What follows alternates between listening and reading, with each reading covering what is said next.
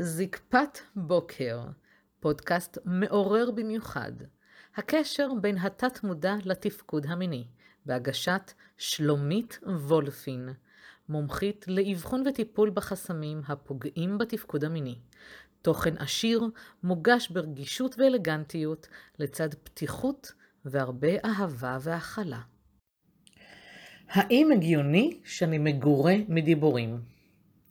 אז ברוכים הבאים לשאלה הנפוצה הבאה, האם זה הגיוני? אז כן, לחלוטין כן. יש דרכים מגוונות להיות מגורה מינית, ואחת מהן היא גירוי בדיבור.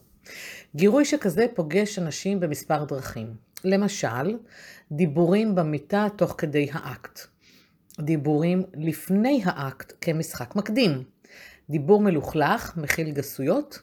דיבור אינטלקטואלי ברמת הפגנת חוכמה. דיבור בקטע של פנטזיה, מה מדמיינים לעשות. דיבור בקטע של מה אני הולך לעשות לך, או לך, מה אני הולכת לעשות לך. דיבור שמרימים לך, כלומר ממשפטי הרמה כמו אני אוהבת את האיבר מין שלך, אני נהנית ממה שאתה עושה לי, אני מחכה כבר שתחדור אליי, ועוד כעולה בדמיונכם. יש מי שההתערערות המינית שלהם ממש תלויה בזה, כלומר אם הדיבור ייפסק, זה עלול ממש להוריד להם.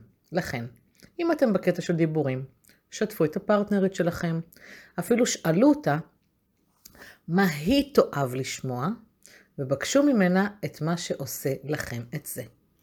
ייתכן ואתם בכלל לא מודעים לכך שזה מה שמדליק אתכם, אז איך אני אומרת? זה שווה בדיקה. מוגש באהבה, שלומית.